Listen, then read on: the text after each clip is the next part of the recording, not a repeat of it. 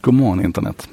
En sak idag ska handla om det här med kontakter och, och olika anslutningstyper och all that jazz. För att så här, den 30 oktober så var det ett nytt Apple-event och precis som vanligt så gick folk i taket när det gällde det här med kontakter och anslutningar.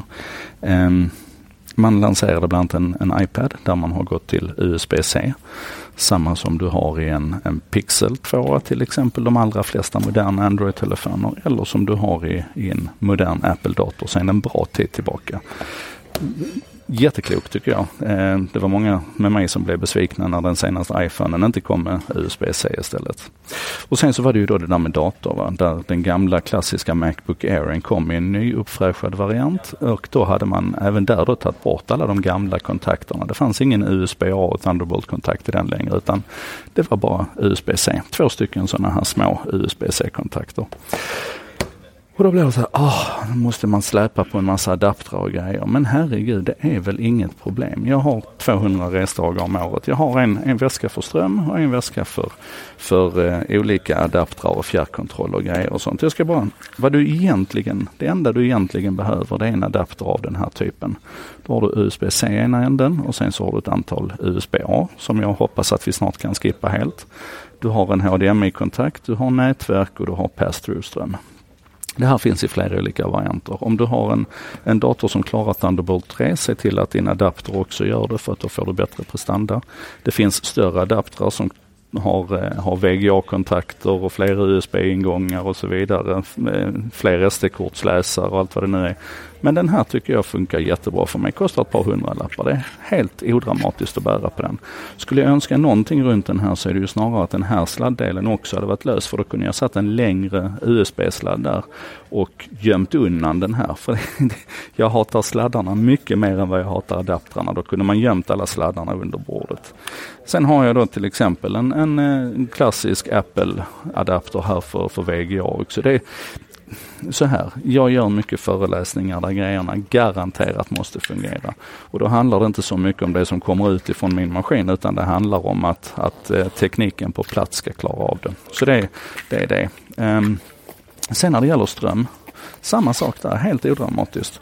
Du har ju alltid massor med grejer som behöver laddas. Så istället för att släppa på en massa separata laddare så bär du med dig en sån här. Eh, I detta fallet så är det en Logilink heter den. Du har en USB-C där med PD, Power Delivery. Så att den klarar i det här fallet upp till 60 watt. Eh, då kan du driva en, eh, en eh, Macbook 13-tummare till exempel utan något som helst problem. Och sen så har du ett antal USB-A. Och sen har du då, nu är vi här med sladdar igen, sen har du då ett litet Träsk här med till klockan, till telefonen, till iPaden, till, till eh, Pixel 2 eh, och så vidare. Men det, är, det vi ska drömma om det är ju en värld där allting är USB-C. Så det är väl bara att tacka och ta emot att någon trycker på i den riktningen. Um, jag kan passa på att nämna också, många fjärrkontroller har ju, har ju USB-A-kontakt, alltså den där gamla fetan-kontakt som ser ut på det där viset.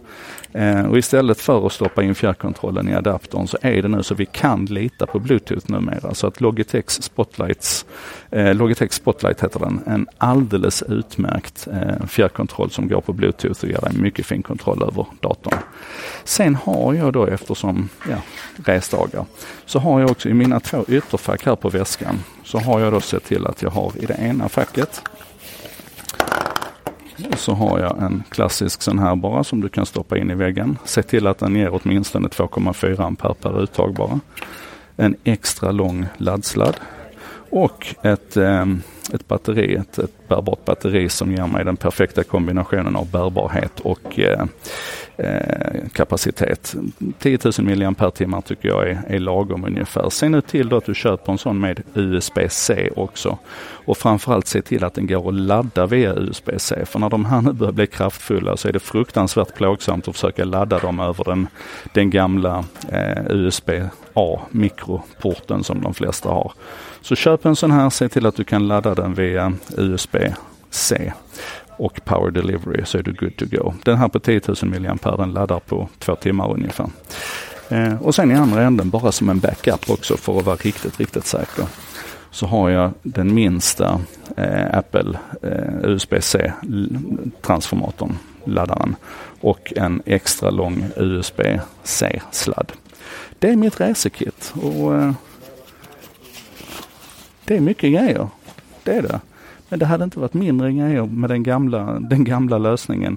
Framförallt hade det inte varit mindre sladd och det är sladden som är bekymret. Vad vi ska önska nu, se till att trycka på allihopa, det är att vi får fram eh, USB-C överallt. Överallt. Då kommer det vara en vacker värld. I synnerhet som USB-C går att parkoppla med Thunderbolt i andra änden så klarar det 40 gigabit per sekund.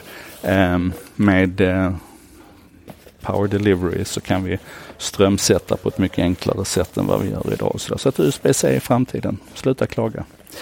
Det här var en sak idag med mig Joakim Jardenberg. Det kommer en ny imorgon och då är det en, eh, en gäst på plats. Vi ses imorgon.